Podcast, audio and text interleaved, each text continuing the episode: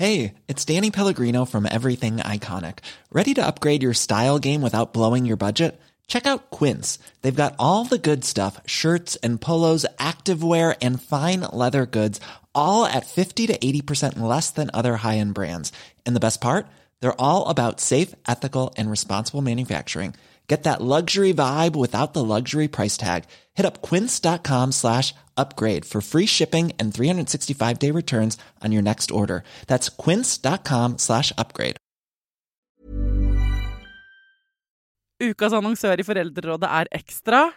Det er grillsesong. Endelig. Alle dere som har fulgt meg gjennom en lang vinter, vet at jeg har nesten strøket med av kjedsomhet. Men nå kan vi spise ute, vi kan leve ute, vi kan henge ute, og vi kan grille. Ekstra har sitt største grillutvalg noensinne, og hør godt etter nå. Her er en del av grillutvalget deres. Habanero-pølser, salsiccia-pølser, black aged pepper-pølser, cheesy bacon-pølser, beefy burger, cheesy burger, skinny burger, big beefy gourmet-burger, fiskeburger med hvitløk, fiskeburger med baconrødbet og søtpotetburger, soppburger, barbecue, grillfilet, svinenakke med oregano og tomat, urtemarinert fårefilet, brisket, eller brisket som det egentlig heter, T-bone steak, flank steak, tomahawk, laksefilet med pesto, laksefilet med sitronskampi med hvitløk og urter, crispy fiskeburger med ost, kyllingfilet med sitron og urter, kylling overlår, gyros, kyllingspyd, smoke, barbecue, lårfilet av kylling og entrecôte. Takk for meg. Dette er bare noen av produktene i Ekstra sitt største grillutvalg noensinne, og kommer bl.a. fra Norges mest prisvinnende grillserie, Grill Perfekt.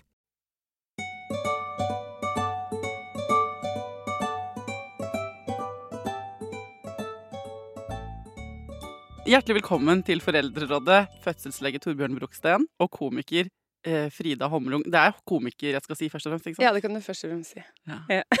Eh, jeg må forklare lytterne. sant? Eh, Torbjørn kjenner mange av dere, og det kan godt hende mange av dere også kjenner Frida, men kanskje ikke fra Foreldrerådet. Eh, Torbjørn er fødselslege, eh, tidligere jobbet på Ullevål, vært her i podkasten mange ganger. Har nå gått privat og jobber på Det heter Sea Medical. Ja. Ja. Eh, og Frida har født for fem måneder siden, Mm. en liten jente. Mm. Og dere er her i dag for å for åpen mikrofon, rause som dere er, eh, ta en legesamtale. Dere har ikke møtt hverandre før i dag, dere to.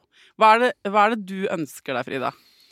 Jeg har noen sp eh, spørsmål om fødselen min som Ja. jeg oppdaget at jeg har. Og så tenkte jeg sånn, herregud, jeg burde egentlig Eller hvis jeg skal føde en gang til, så burde jeg eh, snakke ordentlig gjennom det som skjedde. For eh, jeg bare lurer på litt sånn Hvordan skal jeg gjøre det neste gang, og liksom hvordan blir det, da?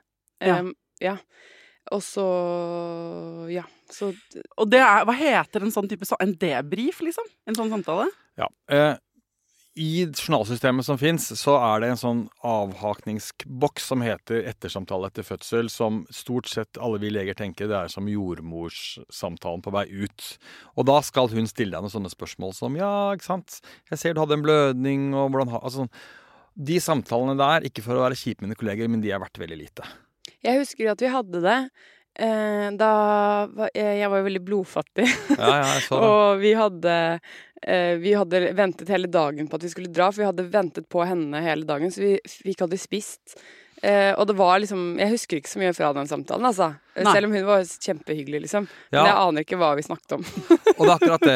Eh, og, og den samtalen her er jo hakket bedre enn den samtalen som garantert legen hadde med deg etter du hadde vært eh, til en liten operasjon. Eh, Men den samtalen lå du jo og kom ut av en narkose, så du lå og var eh, høy som en Ja, for det var jo første gang jeg så babyen min, så da husker jeg i hvert fall ikke noe av. Ikke sant? Hold- Bare hold your horses, for lytterne er ikke med her. Eh, På, på, på bordet foran oss så ligger eh, Fridas epikrise. Så før, eh, før vi har satt i gang her, så har Torbjørn og Frida hilst på hverandre. De har altså da smalltalket om løst og fast, sånn som Torbjørn pleier å gjøre. Og så har du kikket litt på epikrisen. Og epikrisen, for de som er, eh, ikke vet hva det er, det er på en måte rapporten fra det som har skjedd på sykehuset, ikke sant, Torbjørn? Ja. Eh, Så når du begynner å referere til en liten operasjon, eller sånn, sånn, så er det fordi du har kikket i papirene eh, til Frida. Men jeg gjorde det her som en teaser, og det var også for å bare fortelle Frida at jeg, jeg, jeg vet litt hva som har skjedd. Mm. Eh, og det som jeg skulle ønske meg at Ahus gjorde med deg, er det jeg ønsker meg at alle eh, fødeavdelinger gjør, og som jeg har tror jeg, nevnt i podkasten der 40 ganger, liksom. Vær så snill å gi alle fødende en mulighet til å stille spørsmål rundt fødselen sin rundt sånn seks uker etter fødsel. Bare la det være en mulighet. Eh, og så kan det hende at det er helt sånne konkrete Jeg bare lurte på hva det betydde i epikrisen min. Eller så kan det være at jeg har sovet dårlig, jeg har våknet opp med mareritt det er vanskelig for meg. Jeg vet ikke om jeg vil bli gravid igjen, så jeg trenger en litt mer dybde enn bare en sånn der deschiffrering. Eh, og det er det du skulle ha hatt. Eh, og så sier de på sykehuset nei, det har vi ikke mulighet til, fordi at eh, det er altfor mye å gjøre på sykehuset. Det er helt riktig, så det skal helsestasjonen gjøre. Og så sier de ja, men liksom vi må fokusere på amming og hvordan barnet vokser, og så er det ingen som egentlig gjør det. Mm. Slik at eh, en sånn shout-out til hele systemet Dette her er så viktig. Fordi det er altfor mange som går og grubler, og det er altfor mange jeg har møtt som også grubler så mye at de sier 'jeg gidder ikke å få barn mer'. Dette er den samtalen. Eh, hvis man da ikke får den på sykehuset sitt eller på helsestasjonen, hvor kan man få den da, Torbjørn? Ja. Du sier burde, burde, men ja. kunne Frida ringt til Ahus, på en måte? Det kunne hun gjort. Og så eh, sitter jeg nå litt sånn i det private og kanskje snakker litt ned mine kolleger i det offentlige, men det er litt sånn luck of the draw hvem du møter, og det her mm. vet jeg litt om. Eh, du kan selvsagt gjøre det hos meg på min nye klinikk, eh, og det kan du gjøre i og for seg hvis du kan ta trikken til Majorstad, men jeg har også en videolink-mulighet, så du kan gjøre det. Jeg har hatt samtaler med folk fra Tromsø til Sør-Afrika, så det er bare velkomment. Og det fins jo flere private alternativer der ute, men hvis man, i det offentlige er det ikke en egen system for det? Nei. Ikke sant? Eh, det er i ferd med å bli et system som vi skal snakke om litt senere, fordi vi gjør en studie på å se om det kan skrines for på helsestasjonen. Med andre ord, man kan bare svare noen spørsmål. og Hvis spørsmålene viser traumatisk fødselsopplevelse, så forhåpentligvis lager man et system for å plukke opp disse mm. kvinnene. Mm. Men eh, det vi da gjør, og jeg har da lest gjennom denne såkalte epikrisen som du har, har levert, Frida. Mm. Når, når, du leste den selv, hva, hva du, du driver også og skriver en del tekst, vet jeg selv. ja. Hva, hva, hva syns du om teksten? Det er gøy at du bringer opp det. Jeg syns teksten er eh, 30% forståelig. Ja. og det er én ting med, med, teksten, eh, og det kan du godt si at eh, jo da, vi er nødt til å bruke liksom medisinske uttrykk fordi at det skal eventuelt leses av noen der ute hvis det skulle skjedd noe galt etter, underveis. Men én ting er hva som er forståelig, men, men det teksten åpenbart ikke har noe med, er jo hvordan du opplevde dette. Ja, det nevnte hun ikke så mye, tror jeg. Ut fra hva jeg kan forstå. Nei, og det er heller kanskje ikke så rart, men i mitt hode så pleier jeg også å liksom snakke om dramatiske fødsler og traumatiske fødsler. Ikke sant? Mm. Eh, du sa jo i stad til meg at du dro fra sykehuset med lav blodprosent. Ikke sant? Så det har jo påvirket kroppen din. Mm. Eh, og, og, sliten og hadde ikke spist og sånt noe. Men når jeg ser på den her også, så ser jeg eh, at epikrisen også var ment til ABC. Jeg skulle egentlig føde der, ja. men den ble jo lagt ned. Så det ble jo ikke noe av. og da tenker jeg med en gang, liksom Når jeg, når jeg da møtte deg, Frida, tenker jeg at eh, der er du, liksom. Du er en kvinne som tenker at uh, vet du hva, jeg eh, har en kropp, jeg har et hode, jeg har en kvinnelighet. Jeg, jeg skal søren meg føde på ABC. Ja, det var mitt, min forventning. Eh, jeg har liksom hofter og Jeg tenkte sånn Nå, nå, kommer, nå kommer, de, liksom. det der at jeg legger på meg hvis jeg spiser is en gang og sånn. Nå kommer det til sin rett. Men det ble lagt ned, ja. Så det Men jeg hadde drømt om sånn Eh, en venninne av meg satt i badekar mens hun sang litt ja. og sånn, underveis i latensfasen, og da tenkte jeg sånn Der har vi meg. Og vi hadde kjøpt noen sånne ting, sånne oljer og sånn, som luktet godt, og Jeg så for meg at det skulle bli litt mer spaktig enn det var realistisk at det kunne bli. Men jeg så for meg at jeg kommer til å takle det, fordi eh, jeg tror Det jeg trodde på forhånd, var at eh, jeg kommer ikke det gjør, det gjør, ikke så mye hvis det gjør vondt, men det gjør noe hvis jeg ikke skjønner hvorfor det gjør vondt, og at jeg blir redd for at det gjør vondt og sånn. Mm. Men selve det at det gjør vondt, det skal jeg klare, på en måte. Det tenkte jeg. Og man har forskjellig inngang inn i det å føde barn, og noen tenker at uh, jeg skal bare ha et sted hvor de har tusen apparater, hvor de har så mye epidural at jeg bare kan ligge helt flatt og slappe av. Mm. Uh, og så er det noen som tenker at vet du hva, jeg har tro på En ting er hoftene dine, du føder ikke bare gjennom hoftene hans, men, men noe annet er ikke sant, du hadde sikkert lest det opp, vil jeg bare anta, at der er det en ro, Ja, der Absolutt. er Det var det viktigste. Der er det eh, Der spiller jordmødrene på de riktige strengene, som kalles for oksytocin. Eh, der prøver de å dempe de feil strengene, som er adrenalin og stress. Også sånn oljer og whatever. Jeg har vært på ABC hvor folk er født med didgeridoo, så der er det liksom eh, alt lov. Men det sier jo også noe om liksom kanskje hvordan tankene dine var Ja, i men det, graviditeten. det er sant. Det var jo faktisk det aller viktigste for meg. fordi at det, til vanlig så tar jeg liksom sosialt ansvar og følger med og er veldig til å få med alt som skjer. Eh, mens eh, vi var på besøk der to ganger. En gang før de hadde lagt ned, og en gang etter. Mm. Eh, og da bare Det var så koselig der, og de, det var litt sånn eldre jordmødre som hadde en veldig sånn rolig og veldig sånn ja, omsorgsfull eh, utstråling. Og, de, og Lars, eh, samboeren min, følte seg også veldig sånn sett, på en måte. Som, og sin, hans rolle var viktig for dem. Og ja, eh, det virket som et eh, Og det var ikke masse sånn blinkende og pipende ting og Nei, det så ut som, det så ut som vi skulle føde hjemme hos noen. Et hele, nesten sted vi kunne bodd selv, liksom. Og det hele clouet med ABC. ikke sant? Og, og nettopp det at de tar med seg mannen og ser at helheten i fødselen er, er viktig. Og så ble jo da ABC nedlagt, og så fødte du da Eller skulle føde på Ahus, var det sånn? Ja, da eh, hørte jeg at det var badekar på Ahus. Og det jeg hadde tenkt, var at eh, For jeg elsker å bade. Ja. Eh, og jeg tenkte meg at det kommer til å funke veldig bra for meg. Og der har de badekar på alle rommene. Så da, fordi at jeg skjønte at på Ullevål så er det to rom eller noe sånt, eller kanskje bare ett som har badekar. Så det føltes litt sånn litt flaks hvis man fikk det, da. Eh, og da søkte jeg plass på Ahus, som jeg fikk. Eh, ja. Så det var Ja. derfor. Og uh, Ullevåls badekar eh, sliter med varmtvann på natten også, så det er, Ja. eh, det er ikke så, så lystig. Nei, Da har de sånn kokesystem. jeg har ikke så lyst på sånn isbad, egentlig. Nei, nei. uh, og uh, du sa du, du fikk en opplevelse av du ble møtt og sett på ABC, og så fikk du noen møter på Ahus før du kom i fødsel, eller var det bare at fødeplassene var på en måte sikra? Jeg ringte faktisk til Ahus også i forkant, fordi jeg spurte om jeg kunne eh, være, komme på besøk, men det har de ikke tid til. Men det var jo fordi det var en av tingene jeg hadde veldig tro på med den ABC-måten å gjøre det på, at man har vært der tidligere og kjenner seg hjemme der, på en måte. Så det, jeg hadde veldig tro på den eh, filosofien til ABC, da. Så jeg prøvde så godt jeg kunne å liksom overføre det til Ahus. Og det er veldig viktig, ikke sant? Fordi det som er med å føde, at det er så eksistensielt og stort og viktig. Og det er ikke bare sånn at man går liksom og sjekker hvilket hotell er best i Paris, på en måte. Det er på en måte, Dette er det stedet hvor det største livet mitt skal skje. Ja. Ikke sant? Og dessverre så er det ingen Eller det er veldig få sykehus som driver med sånn 'velkommen til oss'-samtale. Bærum gjør det for øvrig. Mm. Og har også badekar for de som tenker eh, de tankene. Eh, og så ser jeg også, når jeg ser på, på den epikrisen din, at eh, du gikk litt over termin. Når det hadde gått åtte dager siden termin, da hadde jeg en liten blødning eh, tidlig på morgenen, og så begynte jeg å få litt sånn rier.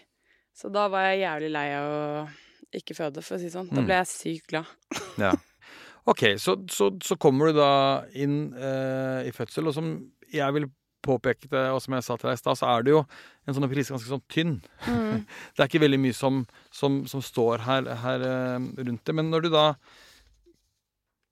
kom inn med egne rier Den Ja, dagen du hadde hatt den blødningen, eller? Nei da. Nei. Det begynte på fredag, så hadde jeg rier, og så varte det Så begynte vi med rieteller, kjempedumt, eh, som gjorde at vi sov kjempelite. Eh, eh, natt til lørdag, og så hadde jeg hele lørdag. Og så dro vi vel inn lørdag kveld, tror jeg. Ja. Ja. Og det mm, Det var liksom Det gikk litt sånn opp og ned. Fra det startet så, så var det ganske ille, og så eh, dabbet det litt av igjen. Og så ble det verre. Men, men liksom mot eh, lørdag kveld så begynte det å bli sånn kjempevondt at jeg liksom skrek av smerte, og det var ganske jevnt. Og da tenkte vi at men nå må vi vel kanskje dra, da. Ja. Eh, og så var jeg eh, For vi skulle kjøre Det tar ca. 20 minutter å kjøre fra oss til Ahus, og jeg trodde det skulle bli skikkelig kjipt. Eh, men, eh, men da hadde jeg bare to kjempesvake rier i den taxien. Eh, og så når jeg kom frem til sykehuset, så var det helt ferdig, liksom. Da hadde jeg ingen, ingen rier i det hele tatt. Det har jeg skjønt er en greie. At det kanskje kan stoppe opp. Jo, og sant, det du snakker om er jo sånn type modningsrier, ikke sant? Ja. Det betyr at de kan komme og gå litt. Og så er det jo liksom også litt sånn av og til måten man oppfatter de riene, ikke sant? For du sa du hadde så vondt at du skrek. Ja. Ikke sant? Og, og det Når du først vet at du er på vei inn til sykehuset, så vet du at nå er det hjelp å få, og her kan jeg liksom få lagt meg ned, jeg får inn en jordmor, kanskje jeg får noe smertelindring. Og så begynner liksom disse hva skal vi si, positive tankene, eller eh, oksytocin om du vil, til å spille litt på lag med deg, da. Er det det som skjer? Så det kan, det, det kan i hvert fall være en, en liten uh, forklaring. Men hvordan følte du at du ble tatt imot uh, når du kom? Nei, men det var, veldig, det var veldig hyggelig å komme dit. Der var det ganske rolig. Ja. Eh, og vi var på et sånn rom der, ja. Som var ikke et føderom, men det hang sammen med et føderom. Så veldig sånn fint og nyoppusset og Ja. bra, liksom. Eh, og så ble jeg vel undersøkt Og så fikk jeg et sånt Nei, jeg ble ikke undersøkt, men jeg fikk et sånt riebelte. Mhm. Så de så at jeg hadde rier, men det var bare at de var jo veldig svake da. Mm. Og så var jeg der litt, og så kom hun som var på en måte vakthavende jordmor inn. Og da undersøkte de meg. Jeg husker ikke om det var hun eller hun jordmoren jeg etter hvert fikk tildelt som gjorde det, men da hadde jeg jo bare én centimeter. Mm. Så det er jo Det er en ting jeg lurer på. Bare sånn med tanke på min fødsel og andres. Hvorfor regnes det ikke som fødsel før man er en viss antall centimeter? For det er jo ikke noe annet man skal, liksom. Godt spørsmål. Jeg synes Jo, bare, er- Vi har jo kjempevondt, men så er Det sånn Du føder ikke. Det er, det, er, det er et uh, veldig godt spørsmål. Og uh, Jeg studerte i Irland, og der regner man en, sankt, en fingertupp åpning av flate livmorhals med etablerte rier for fødselsstart. Okay. Og så uh, i Norge så har vi snakket om fire centimeter eh, med avflatet livmorhals og gode rier. Og nå er vi i ferd med å si seks. Ja. Shit, er det sånn? Blir det Og, og hvorfor gjør vi det? Er det for å plage damer? Nei, det er litt fordi at det, hvis vi erkjenner at nå er du i fødsel, så er det en forventning til når barnet skal ut. Oh, ja. Eh, og hvis du hadde vært på ABC, da, eh, så hadde man sagt at nei, vet du hva, nå bare lar vi kroppen din eh, gjøre det den skal gjøre, så ser vi hvor vi går hen, og, så- og så finner vi ut av når, du, liksom, når fødselen er ordentlig i gang. Mens hvis du på en måte starter et såkalt partogram, Mm. så kan vakthavende lege snuble inn i det og si hvorfor har ikke hun kommet lenger enn nå, nå tar vi vann og henger opp drypp, og så Altså, kan jeg få lov å spille kludrer man det litt til. Ja, men det er jo nettopp Man spiller jo ikke på lag med kvinnekroppen eh, da. Altså En fødsel kan ta kort tid, den kan ta lang tid, og Mm. kvinnen kan tre ha store smerter fra starten, eller ikke merke noe før hun er i aktiv fødsel, fem centimeter åpning. Eh, Noen får styrtfødsler og føder på halvannen time, liksom, og andre bruker tre døgn. Og eh, dette, det derre skjemaveldet der, hvor vi skal liksom kl klokke i gang nå, og etter så mange, mange timer, hvis ikke du har kommet så langt, Frida, så må vi gjøre det og det og det. Ja. Det er jo veldig rigid. Det er veldig rigid, og så er det også en liten grunn for at det skjemaet fins. Så det er en sånn Igjen, da.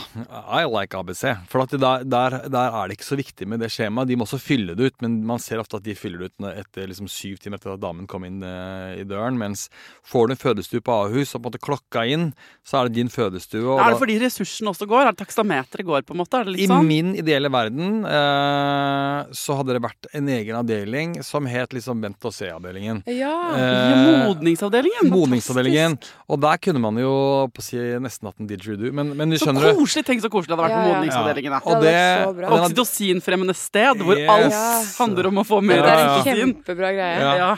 Og, og, og der eh, skulle man også etter min mening ha puttet de som er i, i igangsettelsesfase. For de ligger også bare og venter på ja, to døgn. To Så- døgn med det. Ikke sant? Sånn at da tror jeg at du hadde tenkt å ja, så digg. Hvis du hadde eh, bodd eh, liksom i Thereses gate og født, født på Ullevål, så hadde du fått med deg en liten sånn knarkepose med litt eh, oksytocin Eller med, med litt eh, Oxynorm, som er en sånn smertestillende tablett, Mm. eh, for å liksom gå hjem og slappe av litt. Mm. Men hva, hva gjorde de med deg? Nei, eh, da, eh, da hadde, var det ikke så mange fødende der. De sa først sånn eh, Dere må dra hjem. Men så skulle jo jeg Dette var jo lørdag kveld, det var ganske sent på kvelden også. Og så skulle jo jeg inn kjempetidlig mandag morgen og bli satt i gang. Eh, så da var jeg, ble jeg veldig sånn Åh, det var jo Det hadde vært Det er jo utrolig forsmedelig, liksom, hvis vi må ta taxi tilbake nå. Man sov jo veldig dårlig i denne siste delen av graviditeten, og vi sov jo veldig dårlig når jeg hadde rier og liksom. Så det hadde vært veldig slitsomt da, å dra fram og tilbake. Så jeg var sånn åh, kan, dere, kan vi ikke være så snille å få være her, da? Og så gikk de og sjekket det og sånn. Og så hadde de ikke så mange fødende inne, så da fikk jeg lov til det. Og det var jo veldig bra. Og det Men det var her- kanskje også litt dårlig, på en måte. Det hører jeg, Frida, som er veldig fint, da, fordi når jeg får kvinner hos meg som har en traumatisk fødselsopplevelse, så, så sitter vi egentlig og hakker i den der første delen som er jeg ble avvist av Ahus, Ullevål, Tromsø. Eh, de hadde ikke plass. Eh, jordmor kom med en slengbemerkning om at eh, det er ikke en fødeplass å oppdrive, så jeg fikk Mm. til slutt et lite Altså, veldig mange har den Ja, det har jeg også hørt. Og da snubler man så utrolig dårlig inn i en fødsel. For da kan du ha hatt så bra svangerskap som du bare vil, og så er på en måte alt det du har forberedt deg på, alt det du har ønsket, og alt det du vil gi, er bare skrudd av. Ja. Eh, og senest forrige uke så hadde jeg en som bare følte seg så til bry, liksom. Og, og, og var sånn ja, Skal jeg være takknemlig for at jeg har fått en fødestue, da? Eller, så skal, eller skal jeg liksom gi den fra meg? ikke sant? Og det er veldig ubehagelig. Mm. Men her har du i hvert fall, Ja. Frida, fått en opplevelse av at OK, nei, men Kjedelig å ta taxi frem og tilbake igjen. Ja. Vet du hva, det er plass her. Her kan Ja, du få slappe av, sove litt, kanskje det tar seg opp, vi vet ikke. Så Det bra! Det, det var kjempeålreit, fordi da, mm, ja, da så de jo på faktisk hva som skjedde, som var at de hadde plass til oss. Men gikk du da i fødsel over natten, eller? Absolutt ikke. Um, Fortell. Nei, da tok de sånn klyster. Um, som uh, gjorde at eh, slimproppen eh, gradvis kom ut, så jeg sto og dusjet der. Så da var det i hvert fall noe som kom ut, da. Og så eh, skjedde det liksom ikke stort. Eh, så da sa hun jordmoren jeg hadde da, at vi kunne ta to Paralgin forte og prøve å sove litt. Som jo var jo veldig fornuftig. Og da gjorde vi det. Og så, Nå vet jeg ikke helt hva som er dagen etter, og hva som ikke altså sånn. Men eh, litt så hadde vi sovet litt, da. Eh, og så kom en annen jordmor, tror jeg. Og da mm, eh, begynte det å bli snakk om å ta vannet mitt. Jeg husker ikke helt hvorfor. Det lurer jeg litt på. Hvorfor måtte de ta vannet da? Nei, ikke sant? Fordi det kan godt hende at over den natten så ble det litt flere inne. Og så tenker de åh, egentlig vet hva, det har ikke skjedd nok, vi burde nesten sende henne hjem. Men hun skal jo settes i gang likevel. Og så sier de ok, hvordan, hvor moden er hun? Nei, det er liksom én til to fingre åpning som er tre centimeter, og det begynner å korte seg den livmorhalsen. Og så sier en eller annen at da, men hva, da bare ta Johanne. vannet. Ok. Hvor, men hvorfor det? Og det er egentlig for å gjøre en igangsetting. Ja, det var det jeg skjønte. Fordi at jeg ville jo Jeg ville jo, som du vet, ha den ABC-typen Mm. fødsel med badekar. Eh, og da eh, hva- sa hun at da kan jeg ikke bade, for da er jeg på en måte offisielt igangsatt. Nemlig. Hvis de tar vannet mitt. Men så er jeg jo også veldig utålmodig, ikke sant, som type. Og um, det skjedde jo ingenting. Og det er litt sånn man føler litt sånn Nå skylder jeg dere å føde snart. Ja, Jeg har nå liksom har dere gitt på oss dette rommet, og så, men så er, kommer jeg ikke i gang. Ja, Det er som sånne gjester som ikke drar, på en måte. Man oh. føler jo litt på det. Eh, og ja, og så ville jeg jo gjerne få født snart, liksom. Selvfølgelig. Men, eh, så jeg var veldig, veldig i tvil om hun skulle ta vannet. Eh, men ikke sant, det er jo noe med at en fagperson sier det, da. Så, men det, det du sier nå, Torbjørn, er at det var ikke noe medisinsk Det var ikke noe bra for Det var ikke noe sånn med tanke på babyen at de gjorde det. Nei, det, var for å få deg eh, videre. Og det som er viktig, Frida, når man, når man liksom gjør det her, er jo Og det er ikke alltid det er tid til det heller, men liksom gi deg en sånn følelse av egen autonomi. Sånn som OK, jeg vil egentlig føde i badekar, ta i vannet, kan vi ikke gjøre det? Ikke sant? Samtidig så må jo noen ta en avgjørelse også. Ikke sant? Si at vet du hva, jeg, jeg tenker sånn så jeg når du har vært der såpass lenge. Så Men det er hun som skal ut- ta den avgjørelsen. Det Ja, er hun, det, er fri, altså her er, eh, dette er viktig. Sånn, det er du, hun, hun skal få informasjon nok til å vite hva hun, hva hun kan velge mellom. Og så Mm. kan hun selvfølgelig få råd fra fagpersoner. Ja. Men det er veldig vanskelig å si sånn 'jeg nekter å ta vannet', Ja. når alle rundt anbefaler at jeg gjør det. Mm. Men, det, men, det, men det, det, er en, det er en litt sånn vanskelig situasjon, fordi at det, eh, det er helt riktig det du sier, Thea, at hun skal ta det valget. Samtidig så er det sånn eh, Du har jo litt lyst til at noen fagfolk skal liksom komme med komme med tanker rundt det også. Ja, Så ja. det, det er en sånn balanse. Så jeg pleier alltid å si at uh, jeg tar det valget på bakgrunn av at jeg skjønner hvordan du vil ha det. Og at ikke jeg da selger inn noe som du sier ja, da kjøper jeg det. Men at jeg merker på deg at uh, i den derre blandingen om å føde i badekar versus å uh, bli ferdig med å være Ja. gravid, så, så lander vi på at vi blir ferdig med å være gravid. Ikke sant? Og, og det var jo det jeg landet på også, da. Mm. Men da sa hun sånn, ja, da kan du sikkert bade Du kan liksom bade i ti minutter etter vi har gjort det. Men så kan du ikke bade mer i fødselen. Så var jeg sånn, ok, men da gjør jeg det. Da bader jeg litt, og så har jeg fått den badefølelsen. um, men så tok vi vannet, og så sa hun at jeg ikke kunne bade likevel. Jeg husker ikke helt hvorfor det. Sannsynlig så kan det hende at det var litt misfarget fostervann eller et eller annet. Ja, ikke sant? Det kan hende. Men, men når vannet gikk, fikk du sterkere rier og Altså, det som skjedde i forbindelse med det der at de tok vannet, var at da måtte de sette eh, sånn veneflon. Fordi at det, eh, da må det være klart til at de kan eh, gi, gi meg drypp, eller noe sånt. Eh, Er det ikke det? Veneflon er sånn nål i armen, Nål sånn i som man får hvis man skal ha smertestillende eller ø, væske eller noe sånt. Ja. Og så skal jeg si at det er ikke nål, det er plastrør i armen, for folk er redde Ja. for at det ligger en nål der. Ok. Den tar man ut. Eh, det er også litt sånn, ikke sant? Og, og, og, ting er litt firkantet, for man, man følger liksom regelboksen. Så da er det sånn, da har vi satt deg i gang, da har vi tatt vannet. To timer etter må vi begynne med drypp. Og så blir man litt sånn robot. Så er det sånn Så du havner inn Du velger egentlig det Frida ikke vet, eller det fødekvinnen ikke vet, er at nå i det valget eh, mellom badekar og, og at de tar vannet, så velger du på en måte en lane. Mm. Eh, Stemmer det, Torbjørn? Du velger på en måte et spor, og hvis du følger det eh, sette i gang-sporet, så utløser det en del rutiner. Er det sant? Det er sant. Og så eh, var jeg den legen som sa OK, Frida, nå har vi tatt vannet, du har begynt å få litt rier. Vi pleier å gi drypp etter to timer, men jeg tenker vi kan heller se hvordan riene dine bærer hen. Og se Ja, så hva man som kan skjer. det. Man kan det. Jeg gjorde det. Og om jeg fikk kjeft dagen etter? Ja. Men okay. jeg elsket jo å bryte reglene, for jeg tenker at det er noe med å tenke det vi ønsker med igangsettelse, er å gjøre ting så nært opp mot din såkalt fysiologiske utvikling. Altså med andre ord hvordan kroppen din reagerer på det. Mm. Og i Norge så er det ta vannet, vente et par timer, henge opp drypp. I England og Irland hvor jeg studerte, så var det ta vannet og vente til neste dag. Mm. Ja. Så at det, ikke sant, Veien til Rom er forskjellig nesten fra sykehus til sykehus, og i hvert fall fra land til land. Slik at det er mange muligheter her. Men det de valgte da, var å Ja, de, øh, nå husker jeg ikke om de jo satte det Veneflon før eller etter at de tok vannet. Men i hvert fall nært opptil da, satte de veneflon. Jeg syns det er veldig ekkelt å ha den i hånden, oppå hånden, for jeg synes det er så benete og ekkelt. Eh, Så jeg kranglet meg til at de satte den i armen istedenfor. Eh, og så i tillegg så var jeg så Det angrer jeg faktisk veldig på. At de spurte om jeg ville være med i en sånn undersøkelse. Som var et eller annet om at jeg skulle få et eller annet stoff eh, etter fødselen eller noe sånt. Som jeg ikke husker hva var, men kan ha vært for å hjelpe livmoren eller noe sånt. Eh, du vet kanskje hva det er, Torbjørn? Jo, eh, og det er å Eller det er en studie hvor de ser på det å gi medisiner underveis i i fødselen din, Ja. vil jeg regne med.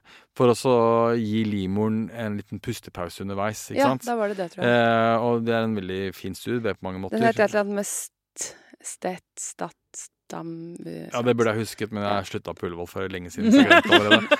Men, men det, som, det som skjer her, da, og grunnen til at det er viktig for oss å på en måte huke oss opp litt i den ABC-starten i samtalen i starten, var at innstillingen din var der. Og plutselig så har noen tatt vannet på deg. Ja. Og puttet en eh, plastrør i armen din, som du syns er ekkelt. Mm. Eh, og nå legger jeg ord i munnen din, det er ikke meningen, men det gir plutselig en opplevelse av at nå er du kommet deg inn i fabrikksystemet. Ja, og det som var veldig dumt med den der, å være med på den forskningen, for jeg støtter jo forskning selvfølgelig, og kvinnehelse absolutt, men jeg burde ikke gjort det, fordi at det, det gjorde at de, de måtte ta noen blodprøver av meg, og så fant de ikke Blodårene spratt unna hele tiden, og det var sikkert fordi jeg var stressa, ikke sant. Så da stakk det meg sånn ti ganger, og to sykepleiere som var åpenbart veldig stressa også, for de ble liksom stressa underveis. Nei, nei, Og ble liksom selvbevisste, så jeg lå der og ble stukket masse og fikk den venflonen. Og da eh, Ja, det var ikke så bra, tror jeg, for meg. Og så etter det så eh, Da tok de vannet, tror jeg. Jeg husker ikke helt om de gjorde det før eller etter. Men da begynte det veldig riere. Mm. Så da var jeg i dusjen og hadde uh, the time of my life nå, da. Da var det rier, ass. Det var helt uh, forferdelig. Og det som jo også skjer nå, da, er at du, i samtalen vår nå, så, så blir du litt mer emosjonell i hva som har skjedd. Ja. Ikke sant? Og det handler jo litt om at eh, For å bruke et sånt fremmeduttrykk autonomi, liksom. Din følelse av å sitte med kontrollspaken, og din følelse av at jordmoren er der for å veilede hvordan denne skuta skal gå. Ja. Ikke sant? Og, og er plutselig blitt tatt over av et sånt system. Ja. Eller hva, jeg blir emosjonell sjøl. Hva er det du blir lei deg for? Jeg kjente bare nå at jeg ville videre i fødselshistorien min. Jeg. At, jeg, Mm. at jeg prøvde å fortelle om den dusjingen og sånn. Ja, det husker jeg som en veldig Det var veldig kjipt, liksom. Uh, jeg, det, var jo, det var jo frivillig at jeg ble med på den forskningen, men jeg tenker nesten at de allerede der burde tenkt sånn ja, fuck det, vi driter i den forskningen. Men det var jo litt sånn formelt, for da skrev jeg under på noen papirer om at jeg samtykket til å være med på det og sånn. Ja. Men jeg tenker sånn allerede når det liksom For det pleier ikke å være noe problem å ta blodprøve på meg. Jeg pleier egentlig aldri å synes at det er så farlig heller. Jeg bare ser bort. Men når, de, når det var så vanskelig, så burde de kanskje bare tenkt at De dropper det, rett og slett. Det det her handler litt om, er din liksom, empowerment som kvinne, som først ble nedleggelsen av ABC, så inn på uh, Ahus, som var en veldig flott møte, som jeg skjønner, når du først kom dit. Ja. Men så kommer dagen etter hvor du tenker ok, eh, nå er jeg litt sånn Jeg opptar space. Eh, kanskje det er best for dere at jeg blir ferdig. Kanskje det er best for meg at jeg blir ferdig. Jeg vet ikke. Og så tenker du ok, det er universitetssykehus, jeg skal være med på forskning, jeg er good person. Men det som skjer nå, er at det plutselig innebærer en, eh, en beneflon, altså en sånt plastrør i armen. Det innebærer blodprøver. Det innebærer at alt som handler om disse eteriske oljene du vil ha i badekaret, har nå blitt helt bytta ut Ja. med folk inn og ut. 'Jeg finner ikke blodåra, kan du prøve å stikke?' Og da er det jo slik at det som er best i en fødsel, er oksytocinet ditt. Mm. Og det som er best, er ikke det som kommer inn i den eh, etter hvert, men det er det du har inni deg. Ikke Mm. sant? Eh, og så kommer Ine, så nå skal vi gå videre der. Ja. ja da, da hadde jeg jo kjemperier, ja. I dusjen, og un, uh, underveis i det så fikk vi en ny jordmor, tror jeg, som hele tiden ville undersøke meg. Og så sa jeg til Lars, samboeren min Jeg klarte liksom å gå bort til døren Det var sånn stort rom med en dusj i, rommet, liksom. Eller toalett, da. Og så gikk jeg bort dit og ropte på Lars, så han kom inn. Og så sa jeg sånn Du må hjelpe meg, liksom. Jeg har så sykt vondt. Men også du må forhindre at hun skal undersøke meg nå, for det orker jeg ikke, rett og slett. For det var skikkelig vondt. Eh, så jeg bare sa sånn Bare hold henne unna, for jeg skjønte at hun at hun liksom ikke maste, da, men hun ville gjerne det, da. For det, det er jo fordi hun kommer ny på vakt, sikkert, og vil skaffe seg en oversikt over situasjonen. Jeg skjønner jo det, og hun var veldig, hun var veldig eh, Jeg hadde veldig god kjemi med henne, og jeg likte henne godt, men jeg bare orket ikke tanke på at jeg ikke kunne stå i den dusjen da. For det var det eneste som funka, følte jeg. Dusjen funker, og dusjen er også med på å gi deg en form for varme, som, som det badekaret gjør. Og det gjør også noe med å kunne få kroppen til å liksom slappe litt av. Mm. Og det er det du trenger. ikke sant? Du trenger Mm. å slippe opp, slappe av og få de gode hormonene. Mm. Også ikke noe vondt om den jordmoren din som du faktisk likte, Ja. eh, men hvor ofte må man undersøke for å vite progresjon? Ikke sant? Og, og undersøkelse er viktig, men det er også ganske plagsomt. Ja. Ikke sant? For det er ikke en sånn finger inn, ett sekund, sånn ut. Det er på en måte en sånn derre Vi holder på her i 45 sekunder, halvannet minutt, to minutter. Ja, og alle strippet også, eller tok og tøyde, for å få det til å eh, bli mer åpning. Siden det var jo aldri, ble jo aldri noe mer åpning. Og du vet, når man, når man tøyer sånn eh, når, når jeg har tøyd livmorhalser, når, når de er, kvinner er i narkose, så krøller de tærne. Det er, det, er, det, er, det er- sykt vondt, liksom. Shit. Så her er det mye som skjer underveis, da, som, Ja. som, som, som er med å i hvert fall kanskje ikke hjelpe deg veldig liksom, på vei til å få en positiv fødselsopplevelse. Hva sa Lars, da? Eh, Lars eh, prøvde å si til henne ikke undersøk men til slutt så måtte vi jo det, da. Til slutt så måtte jeg ut av dusjen, liksom. Eh, ja. Kan jeg bare spørre deg, Torbjørn, må man, må man det? Man må ingenting, ikke sant? Men du har nå kommet i et løp som er det stikk motsatte av ABC. Ja. Du har kommet i et løp hvor liksom vi er litt keen på å komme til mål. Mm. Eh, og, og det er virkelig ikke noe negativt av mine kolleger på Ahus. Tvert om så er det sånn det fungerer. ikke sant? Ja. Så de gjør sikkert den jobben de skal gjøre, helt perfekt. Eller i Mm. hvert fall veldig bra. Men jeg tenker jo som så at av og til så snakker jeg med kvinner som har hatt en sånn igangsettelse som deg, og, og hvor de, ikke riene kommer og dryppet øker og ingenting skjer. Og så skrur man helt av dryppet, og plutselig så går man i fødsel av seg selv. Ja, men hvis hun hadde sagt, kan jeg bare Hvis du hadde sagt Nei, jeg vil ikke undersøkes nå. Det er et nei fra meg. Mm. Jeg skal dusje til jeg er ferdig med å dusje. Mm. Og jeg kan gi beskjed. Så vil jeg, Hadde hun kunnet blitt Ikke sant? Ja, hva jo, og det, det, det, hadde, det skulle de ha respektert, og Det det, ville de sikkert ha gjort. Ja. Uh, og du kan si Det finnes så mange kvinner som er plaget med undersøkelsen av f.eks. tidligere vanskelig erfaring i livet som overgrep. ikke sant? Og da skriver jeg alltid jeg i journalen færrest mulig undersøkelser. Og i prinsippet så trenger man ikke å undersøke mye i det hele tatt nesten før man føder. Slik at det er mulighet å tilpasse det. Men da ble jeg sagt liksom OK, Frida, få høre litt. Eh, du syns det er ubehagelig med undersøkelsene. Altså, bare, bare høre med deg, slik at du stoler på at vi tar de valgene sammen. Som at jeg er sikker på at jeg kontrollerer hvordan fødselen din går, og ikke plutselig Oi, shit, der kom ungen. ikke sant? Og samtidig som du opprettholder og, bevarer din ja, igjen da, autonomi i den fødselen. If you thought the only way to get a more defined jawline with natural looking results was through surgery, think again. Juvederm Volux XC is a non surgical injectable gel filler that improves moderate to severe loss of jawline definition and can help you achieve natural looking results with little downtime. Even better, this improved definition lasts up to one year with optimal treatment. No maintenance required. Improve jawline definition for a smooth, sculpted look with Juvederm Volux XC. For important safety information and to find a licensed specialist, visit juvederm.com. That's J U V E D E R M.com. Not for people with severe allergic reactions, allergies to lidocaine, or the proteins used in Juvederm. Common side effects include injection site redness, swelling, pain, tenderness, firmness, lumps, bumps, bruising, discoloration, or itching. There's a risk of unintentional injection into a blood vessel, which can cause vision abnormalities, blindness, stroke, temporary scabs, or scarring. Talk to a licensed specialist to find out if it's right for you. Even when we're on a budget, we still deserve nice things. Quince is a place to scoop up stunning high-end goods for 50 to 80% less than similar brands. They have buttery soft cashmere sweaters starting at $50, luxurious Italian leather bags, and so much more. Plus, Quince only works with factories that use safe, ethical, and responsible manufacturing. Get the high-end goods you'll love without the high price tag with Quince. Go to quince.com slash style for free shipping and 365-day returns. Ukas annonsør i Foreldrerådet er Nextory. Det er en lydbok- og e-bok-app. Altså, du kan både høre på bøker og lese dem på telefonen din eller nettbrettet ditt. Og akkurat nå så får du 45 dager gratis, både til deg som kanskje har prøvd Nextory før, men også til deg som er helt ny.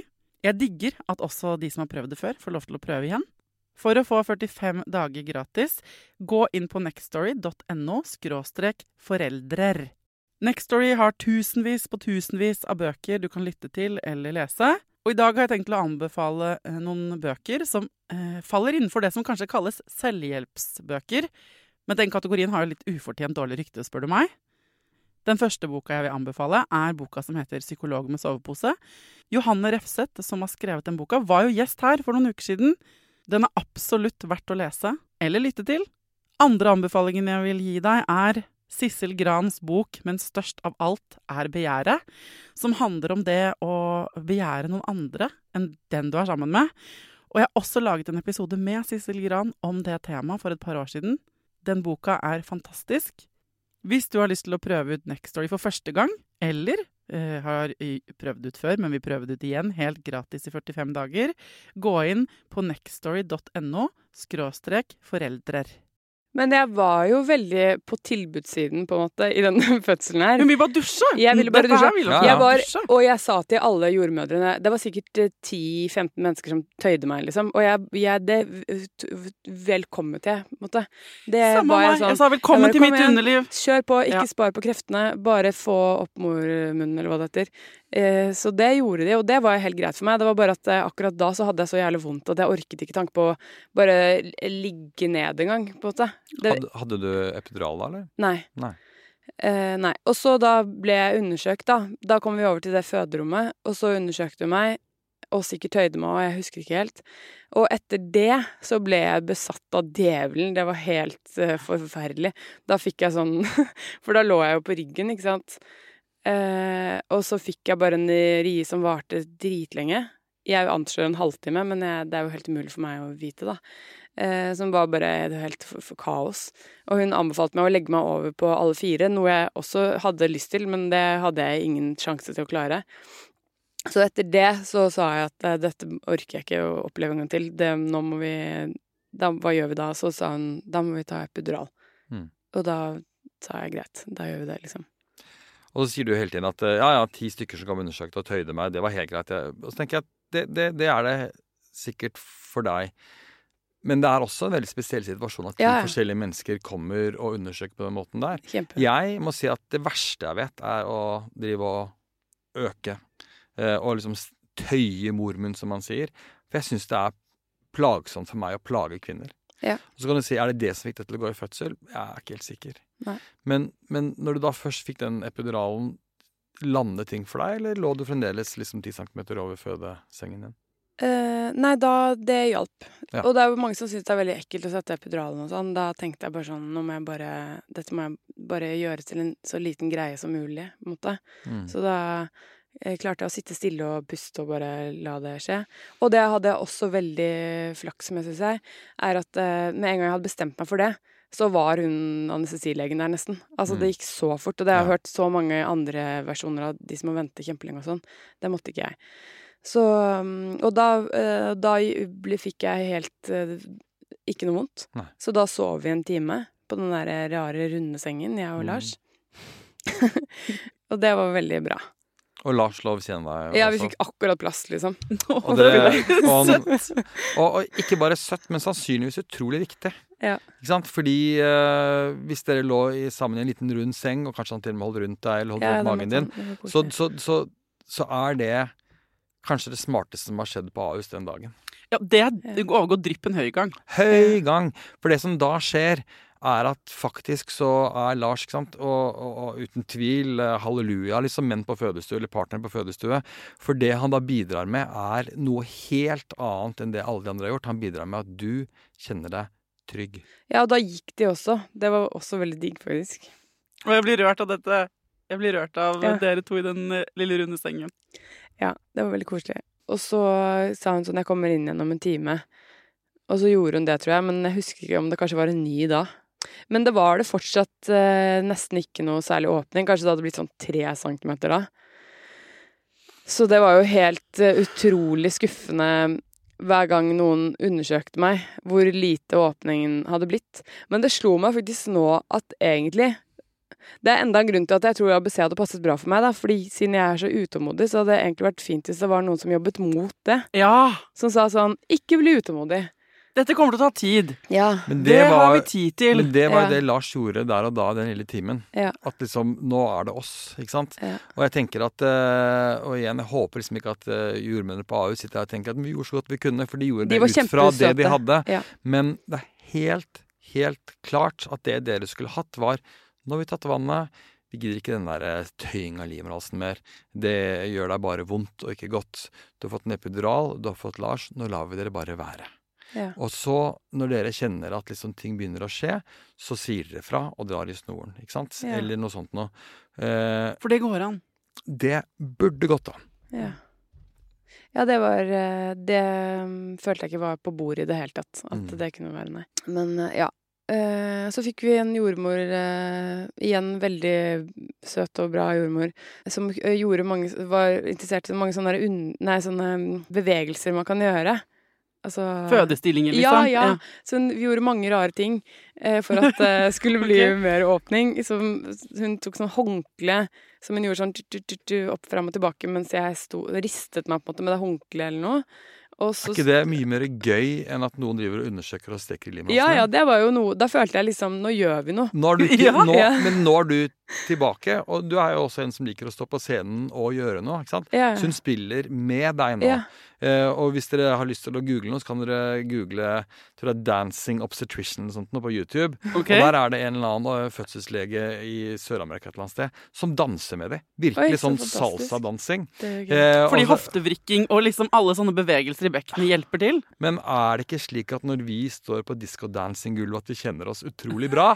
Jo, Jo, men hjelper det også absolutt. fysiologisk å liksom vrikke ungen utover? Begge deler. Ja. Okay. Begge deler. Så her kommer det en som tenker Ja, Nei, vi tar med oss noen laken når vi danser her rundt, for at dette her er din stil, Frida. Jeg så masse greier, og jeg, Lars løftet magen mens jeg gjorde et eller annet. Og så drev vi med det. Det hjalp eh, sikkert ingenting, det heller. Men eh, så på et eller annet tidspunkt så kom det en finsk-svensk jordmor som ga meg noen sånne eh, nåler i pannen. Ja, ja. Ting jeg tror veldig på. Ja. Eh, og eh, tøyde meg, hun også. Men hun var skikkelig flink til det.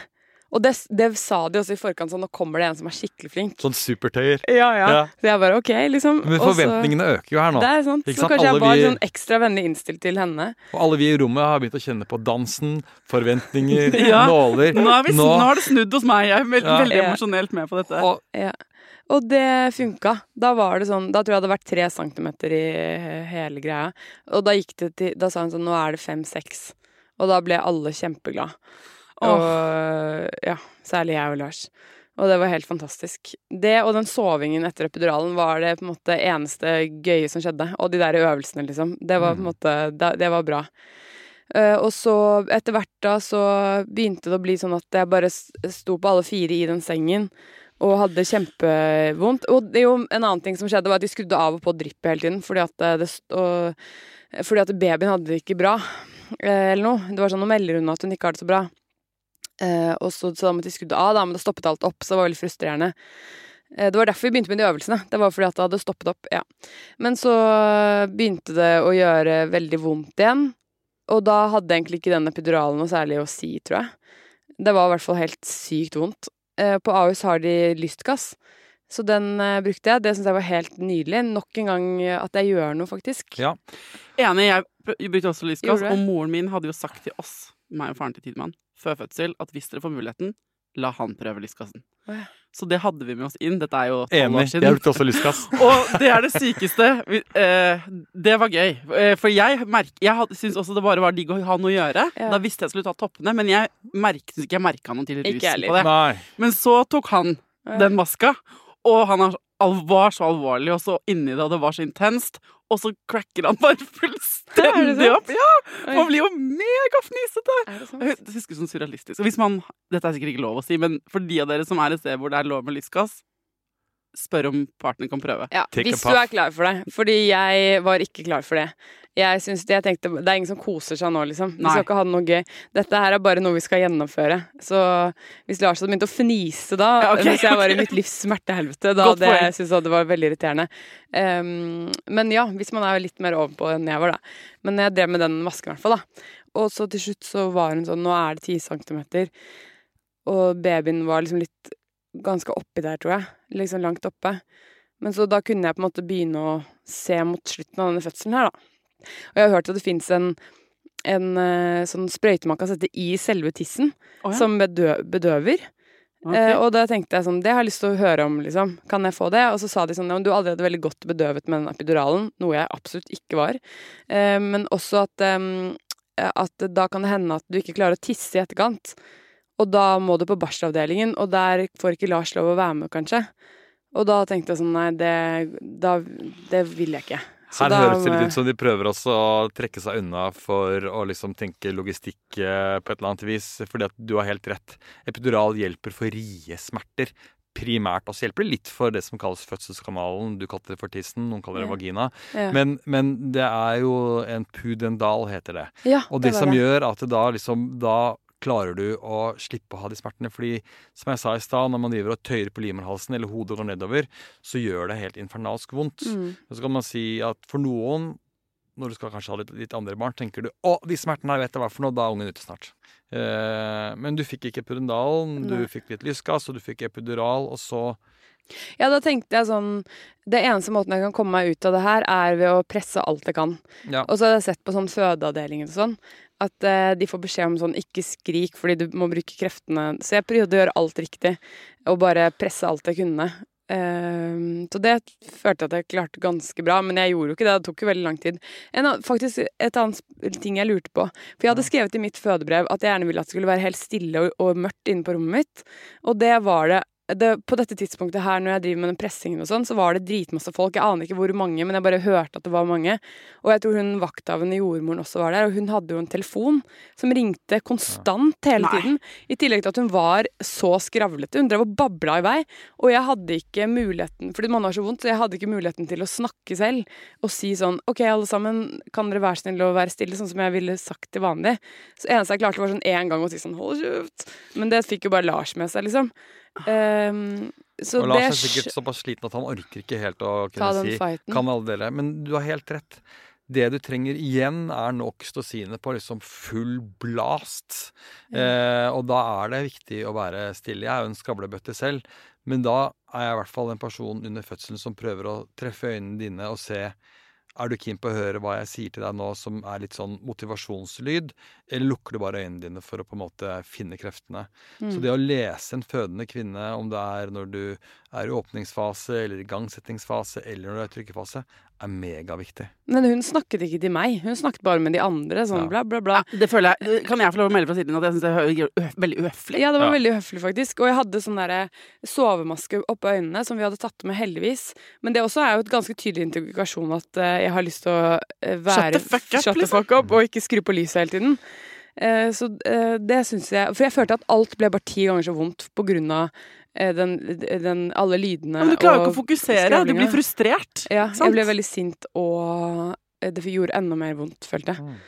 Så det var eh, det det nest, Hvis det blir neste gang, så skal jeg si så sykt tydelig fra at eh, det, ingen får lov å drive og snakke inne på rommet mitt. Og det er veldig viktig det du sier nå. For at hvis vi neste gang, og så kanskje vi kan bytte det over til når mot slutten av denne sendingen her, men det jeg vil si, er at når man har en negativ opplevelse, traumatisk, dramatisk osv., så, videre, så er det vondt å ha den opplevelsen. Men du kan i hvert fall bruke den til noe. Ja. Du vet hva du vil neste gang. Ja. Eh, og, og du kan være litt mer sånn klar på det. Og si at Da skal jeg eh, også ha med en veldig konflikt eh, nesten konfliktsøkende person. Altså. Melde meg. Ja, Thea, kan du bli ja, men helt seriøst. Yes! Kan du bli med og bare si sånn Alle, everybody, just shut up! Jeg sitter og sitrer av liksom frustrasjon. Og vi tar med Torbjørn nå! ja, Vi tar med ja, Torbjørn ja, nå! ja, ja, ja, ja, Jeg mener det, for jeg sitter sånn og bare Jeg har så lyst til å være i den situasjonen og melde. Jeg har lyst til å si sånn Nå holder alle kjeft! Ja, det hadde vært Når hun driver og føder på liksom tredje døgnet, så da tror jeg bare Du med den telefonen, stikk. Du, Ja. stikk. Skru av lyset. Sånn. Ferdig. Det hadde vært helt fantastisk. Ja. Lars var jo sikkert også litt redd, ikke sant. ja, ja. Så han orket jo. og Du har jo ikke lyst til å være den der vanskelige partner eller den der vanskelige fødende som gjør at du ender opp med en sånn åh, det, De er skikkelig kjipe, de på Og jeg var, ifølge. Lars var jeg faktisk ganske høflig hele veien nå, som er veldig rart, for jeg er egentlig ganske direkte person. Men jeg var sånn Ja, det hadde vært fint hvis Men man vil jo bare prøve å spille på lag. Jeg kjenner Ja. meg veldig igjen i dette. Ja. Man prøver å spille på lag med alle. For Man tenker begynne å krangle med de, liksom. Ikke sant? Men så fikk du, fikk du kreftene Så mot fikk det. jeg til slutt eh, ut denne babyen her. Det merket jeg ikke i det hele tatt, egentlig. Jeg bare merket at de la den oppå meg. Og så var den veldig slimete. Og så, og så merket jeg at hun beveget seg, da. Og det var jo kjempebra, for da var jeg sånn Yes, hun lever. Det hadde jeg jo vært veldig redd for at det skulle skje noe Mhm. galt, ikke sant. Og så måtte hun undersøkes litt og sånn. Um, tror jeg Ja, mens hun fortsatt lå oppe der, så begynte de litt Ja, de tok henne for å bort, men det var også litt fordi at morkaken kom ikke ut. De tok Jeg visste veldig godt at Nå skal morkaken komme ut. Og så begynte de å si sånn Nå må vi bare klemme litt på magen din. Beklager det, fordi den eh, For å få ut morkaken. Eh, Og kan du presse litt og bla, bla og sånn. Og så var jeg bare sånn Ja, ja, det vet jeg, liksom. Det må vi Det må til. Nå, jeg gleder meg helt sykt til alle skulle gå ut av rommet. Ja. Så jeg bare Yes, bare gjør det dere må for å få den ut, liksom. Og så måtte de dra litt navlestrengen mens jeg presset, eller noe sånt. Og så begynte de etter hvert å bli mer og mer stressa, og være mer og mer sånn 'Å, beklager, nå må vi presse veldig hardt'. Og da tenkte jeg bare Eller jeg sa sånn 'Det går bra. Det, bare gjør det. Bare gjør det'. Og så sa de sånn 'Nå blør du veldig mye', eh, og sånn. Og så Ja. Og hvordan føler du deg? Og sånn. Så var jeg veldig tydelig på at jeg føler meg helt topp, men eh, jeg vil gjerne at dere får ut morkaken, liksom. Det var mitt hovedfokus, da. Og så hørte jeg at de begynte å regne sammen sånn eh, bla, bla, bla, milliliter eller noe fra denne kladden her, fra det eh, kateteret. Og så at det begynte å bli liksom en, en eh, litt sånn høy sum, da. Men jeg, vet, jeg visste egentlig ikke hvor mye blod man har. Så Nei. det sa meg ingenting. Og pluss at eh, jeg var veldig motivert til å bare få ut morkaken og få være i fred. Eh, så jeg eh, Og så begynte jeg å si sånn Nå må vi snart gå til operasjonssalen. Fordi du mister mye blod. Og da sa jeg at det vil jeg ikke. Og så tror jeg faktisk at de da hørte på meg en, en god stund, altså. De prøvde i hvert fall veldig iherdig å unngå det. Eh, Men til slutt så Det var en lege, som det satte jeg veldig pris på. Han sa sånn Han så meg rett i øynene, og så sa han sånn Vi skal ikke skjære i deg. Og det, og det ble jeg veldig glad for, fordi det virket mye mindre dramatisk, på en måte, da. Mm. Men jeg er veldig redd for å være i narkose, fordi jeg bare syns narkotika er veldig skummelt, liksom. Mm. Og så måtte de bare trille meg av gårde, da. Mm. Uh, ja. Så det var jo litt kjipt. Trekk pusten litt nå, for nå som kom vi plutselig i det som var veldig kjipt for deg. ikke sant? Og som du sier, at nå var jeg bare keen på å være tre i familien og kunne være der vi er. Og du hoppet litt bukk over hvordan det var å få babyen på brystet, men det hadde skjedd så mye rundt. ikke sant? Så Ja. det du var keen på, var bare å komme dere ut. Jeg ville ha Lars, babyen min og meg her, Ja. og være der. Og så godtok du en del ting, og du sa, du, du sa de, de klemte litt på magen og sånn, og så skriver du noe som heter kredé, står det i den epikrisen din. Ja. Dere klemmer litt på magen. Det er å klemme mega på magen. Ja. Det er egentlig at man bruker alle de kreftene man har på å klemme den livmoren så hardt som mulig. Ja. Og det å på en måte godta det, eller de også skriver at vi forsøker å manuelt uthente det på fødestuen, som er å gå inni kroppen din hele veien inn til liksom midten av underarmen til legen, det også sier noe om at du bare har lyst til å bli ferdig. For de to tingene der er ekstremt heftig. Ja. Ekstremt heftig. Og likevel så måtte de ta det på operasjonsstund, og jeg støtter litt det, da. Fordi at det, det er veldig heftig å, å holde på sånn. Og klart at å blø mer enn det du blødde, betyr at barselstiden blir enda verre. Du har i og for seg 4,5 liter når du ikke er gravid, og så får du en ekstra liter i graviditeten din, så du har litt å blø ut. Ja. Men kommer man liksom over en liter, halvannen til to liter, så vet du at liksom da blir det heftigere å få til amming og heftigere å få til så mye annet. Ja. Når du kom på operasjonsstund og skulle få narkose, så er det sånn veldig proft. Da man dratt i en alarmknapp, folk løper osv. Mm. Eh, hvordan hadde du det da? Altså, jeg husker den der når det ble trillet eh, Da satt liksom en dame satt En dame, en sykepleier satt oppå meg, eller oppå liksom sengen og hadde hånden inni Mm. eh, meg, og presset ned på magen min samtidig. Eh, så hun var sånn Hei, der er du, liksom. Og så var det oss det var, For jeg følte, hadde følelsen at alle, alle hadde ansvar for hver sin del av meg. Mm. Så det var en som også hadde ansvar for hodet mitt, og hun tror jeg bare var sånn trivselsvakt, på en måte. Og hun skjønte at jeg ville gjerne ha på den der sovemasken. Fordi, prøv, fordi hun hjalp meg liksom å sette den på plass, og det syns jeg var veldig bra. Fordi jeg ville egentlig bare melde meg helt ut. Mm. Eh, og så hørte jeg at de sa et eller annet sånn bla, bla, bla, fentanyl, og det vet jeg er en narkotika, så da tenkte jeg sånn Nå er det eh, adios. Tenkte du at nå var det adios? Eller sånn, jeg tenkte jeg kom til å dø, men jeg tenkte sånn Vet du hva, til slutt For jeg var jo veldig redd hele tiden. Men så tenkte jeg sånn Vet du hva, nå, nå sier han et eller annet hvor mye de skal eh, gi meg, som betyr at de setter meg sikkert i narkose nå, og det er egentlig like greit. For dette syns jeg var skikkelig dritt. Nå er det like greit å bare passe ut. Men det ga deg sannsynligvis en narkose som kanskje gjorde at du drømte litt rart? Nei, faktisk ikke. Og det har jeg hørt at andre har gjort, så det er jeg helt sjeleglad for at jeg slapp. Fordi, eh, Og det er de der ute som hører på, da, som kan relatere til det. Da syns jeg i hvert fall dere burde bestille en, eh, en, en time til samtale. fordi da gir man noe som heter Ketalar, som er en veldig sånn trygg medisin, men som er også et psykedelika. Oi. Så først så Oi. får du, eh, først så får du en medisin som eh, tar bort smertene dine, som er den fentanyl, og så får du Ketalar, eller ketamin, da. Hvorfor Eh, får man ketamin, da? fordi det er en veldig trygg narkose, så du kan både opprettholde blodtrykk og passe på kroppen sånn for den biten. Men de som får det, og samtidig tenker at nå kommer jeg til å dø, eller dette er det skumleste jeg har vært med på, da får de en bad trip. Mm. Ah, det er som liksom drugs, drugs, liksom. Og det som da skjer, er at når du våkner opp av narkosen, så er det veldig mange som tenker at nå er jeg i himmelen. Ja. Uh, og nå sitter jeg og ser ned på meg selv, og dette var den rare følelsen av å ha dødd og sånn. Så at uh, de som har opplevd det, uh, bestill time hos meg eller hos noen, eller, fordi de har det kjempevondt. Jeg hadde en pasient en gang som var lege, som er lege, og så sa hun eh, å ja, skal jeg få Ketalar? OK, happy thoughts. Skal vi se. Eh, julaften, eh, gaver, sex Altså bare Og så gikk hun rett inn, og hun sa det var bare Hun er proff! Hun har, hun har vært på fest, tenker jeg. Hun har vært på fullmånefest, tenker jeg. Hun var, hadde den beste trippen. Hun var dødsfett.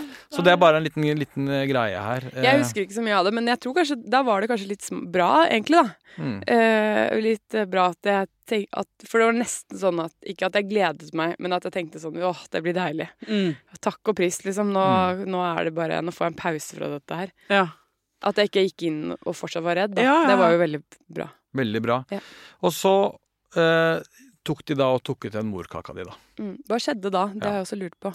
Eh, jeg skal prøve ikke å lage for grafisk her. Men, Jo, lag det grafisk. Ok, jeg lager grafisk. Så da får de en veterinærhanske som eh, går opp hit. Eh, Opp til altså skulderen nesten? Til, ja, nesten til skulderen.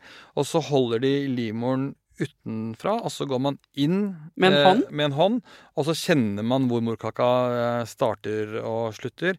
Og så bruker man da hånden sin som en sånn liten spade omtrent for å fjerne morkaka. Så tar man tak i den og drar den ut. Men er det fordi den er klistret inntil? Har den liksom stikket seg fast? Hva er grunnen til at den ikke Den kommer kan, ut? Enig. det, det kan ha stikket seg fast, og den kan stikket seg fast ordentlig dypt inn i eh, livmorveggen. Og det kan godt hende at den bare henger i livmorhalsen som har begynt å så snurpe seg sammen. Så det er liksom grader av uh, uh, hvordan den uh, er fast. Da. Og når det er ferdig, så er det en som bruker ultralyd, og så ser vi er det noen rester igjen. Mm. Og så kan man gå inn med en sånn bitte liten metallspade, om du vil, for å se om man kan fjerne, slik at det er helt tomt inni livmoren din. Nettopp fordi at vi er ikke så veldig keen på å sende deg hjem med morkakevev, for da kan du både få infeksjon og blø mer. Er det dette kvinner døde av i barsel? De døde mest av infeksjoner, Okay. men uh, dette er en av grunnene til at ingen dør i Norge av blødninger. Ja. Og så står det her at du hadde en totalblødning på 2,2 liter. Mm. Og jeg sa til deg i stad at du har en ca. liter, halvliter til en liter ekstra blodvolum for å fø på deg, morkaka og babyen. Og så kan du blø en liter ut, og så kan alle som er blodgivere på å si, miste en halvliter når som helst. Så halvannen liter er helt OK. Men når det blir, blir mer enn det, så, så er du jo litt blodfattig, da. Mm.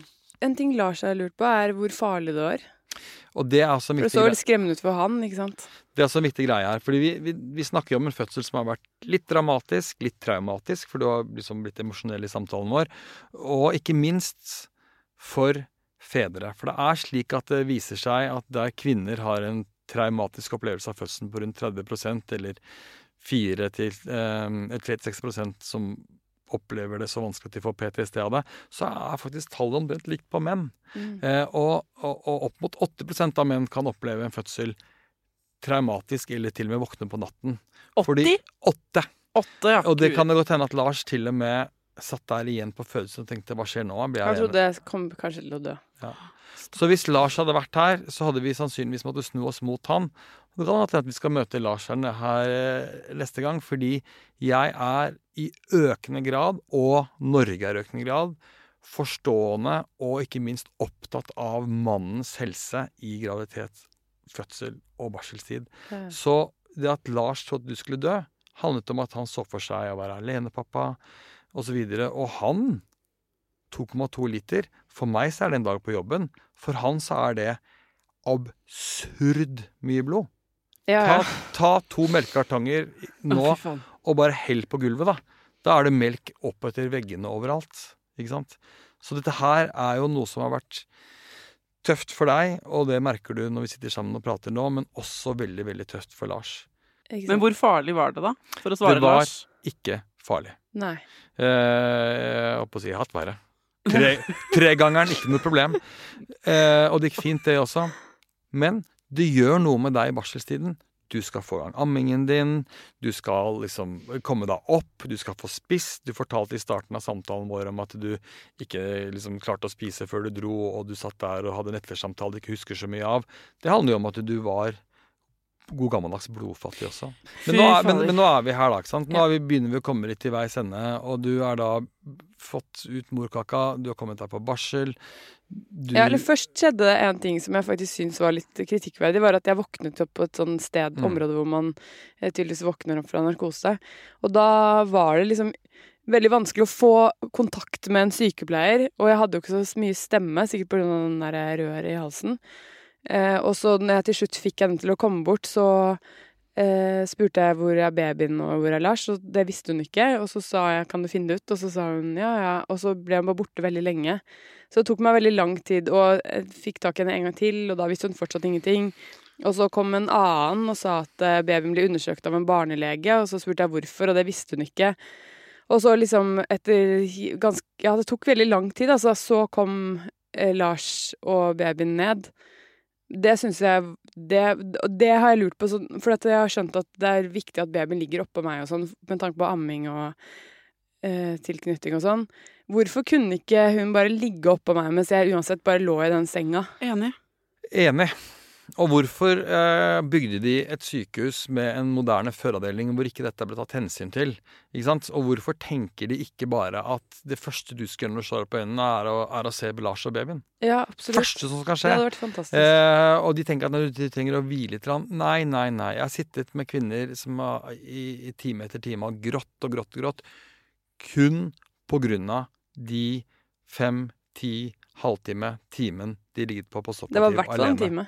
Eh, og bare sånn at de kunne kommer tilbake med en gang. Og jeg vet ikke hvor de er. Det gir jo en sånn Ja, liksom Er babyen dårlig? Er den på barneavdelingen? Undersøkelse?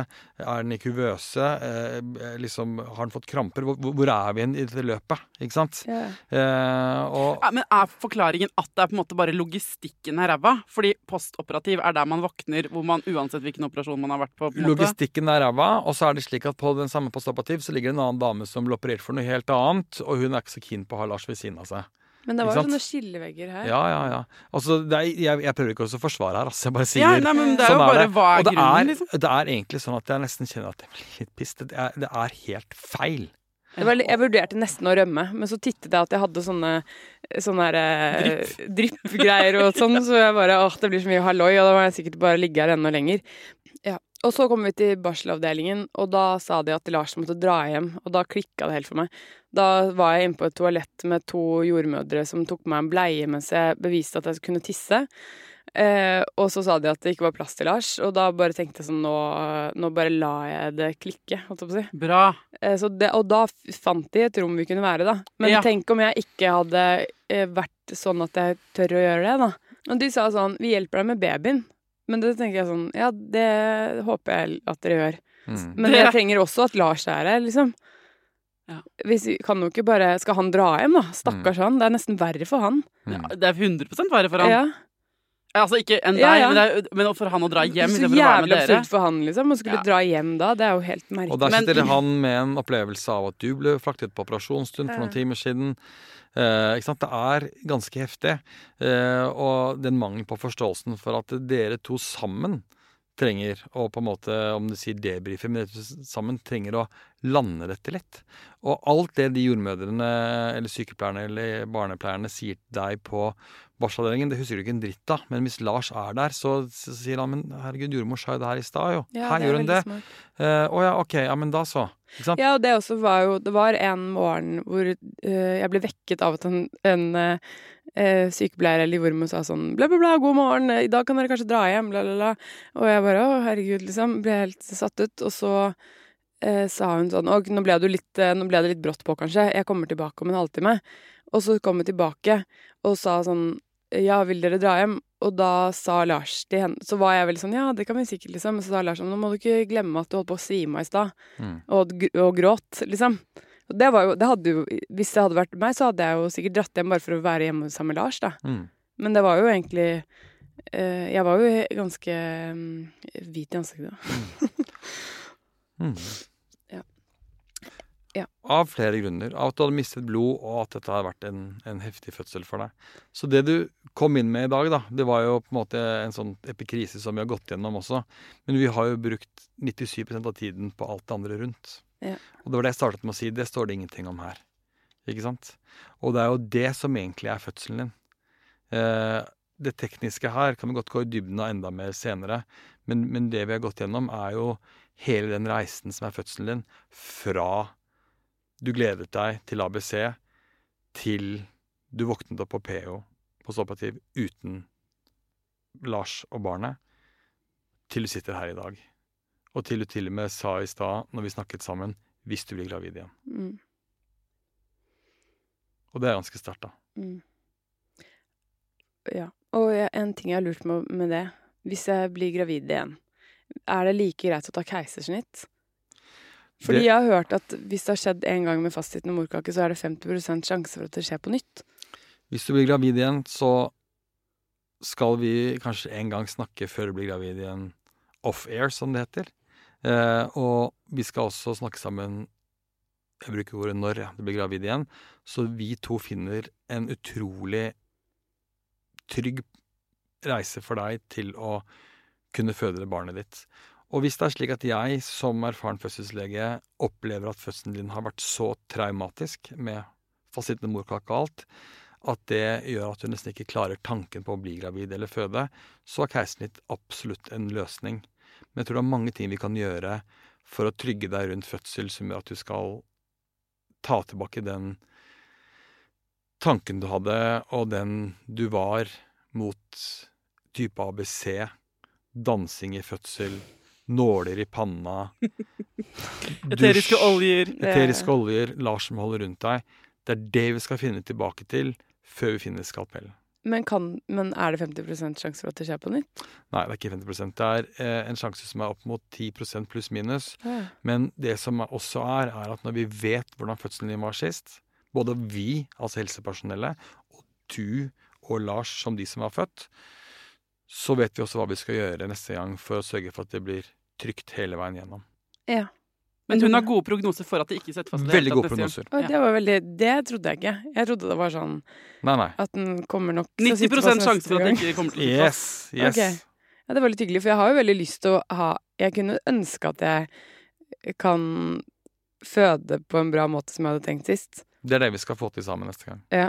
Du, det som er så fint med å snakke med deg nå, er at jeg lærer så mye av hva det du kommer med.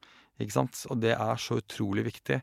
Og nå har vi vært så heldige også at vi har hatt lyttere forhåpentligvis som har lært litt av det vi har snakket om også.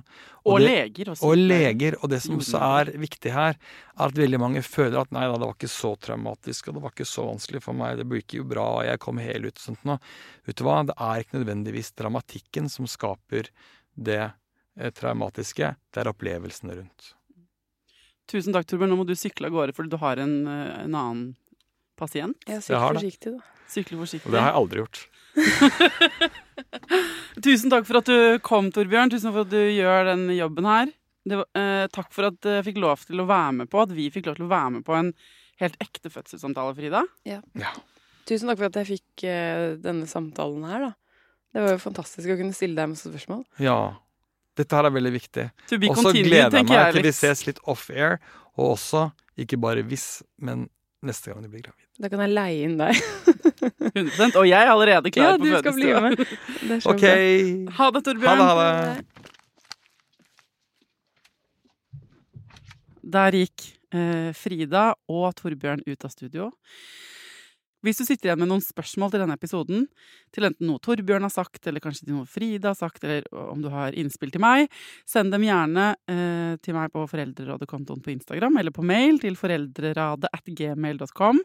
Det gjelder også hvis du har innspill til hva disse fredagsspesialepisodene skal inneholde. Eh, her kan jeg gjøre eh, hva jeg vil, invitere hvem jeg vil. Helt utrolig fint å få være vitne til, liksom eh, en sånn helt ekte debrief fra en helt ekte fødsel. Takk for at dere hører på Foreldrerådet. Takk for at dere sender inn ideene deres og tipsene deres til meg. Til neste gang, ta vare på deg sjæl, ta vare på ungen din, og lykke til.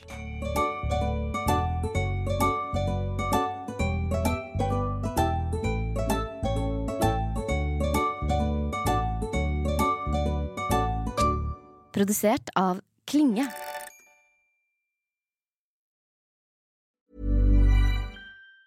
Ever catch yourself eating the same flavorless dinner three days in a row? Dreaming of something better? Well, HelloFresh is your guilt-free dream come true, baby. It's me, Kiki Palmer. Let's wake up those taste buds with hot, juicy pecan-crusted chicken or garlic butter shrimp scampi. Mm. Hello Fresh. Stop dreaming of all the delicious possibilities and dig in at HelloFresh.com. Let's get this dinner party started. Imagine the softest sheets you've ever felt. Now imagine them getting even softer over time. That's what you'll feel with Bowl and Branch's organic cotton sheets. In a recent customer survey, 96% replied that Bowl and Branch sheets get softer with every wash. Start getting your best night's sleep in these sheets that get softer and softer for years to come. Try their sheets with a 30-night guarantee. Plus, get 15% off your first order at bowlandbranch.com. Code BUTTERY. Exclusions apply. See site for details. Hey, it's Paige DeSorbo from Giggly Squad. High quality fashion without the price tag. Say hello to Quince. I'm snagging high-end essentials like cozy cashmere sweaters, sleek leather jackets, fine jewelry, and so much more. With Quince being 50 to 80% less than similar brands. And they partner with factories that prioritize safe, ethical, and responsible manufacturing. I love that. Luxury quality within reach. Go to quince.com slash style to get free shipping and 365 day returns on your next order.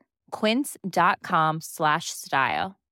Hi, I'm Daniel, founder of Pretty Litter. Cats and cat owners deserve better than any old fashioned litter. That's why I teamed up with scientists and veterinarians to create Pretty Litter. Its innovative crystal formula has superior odor control and weighs up to 80% less than clay litter.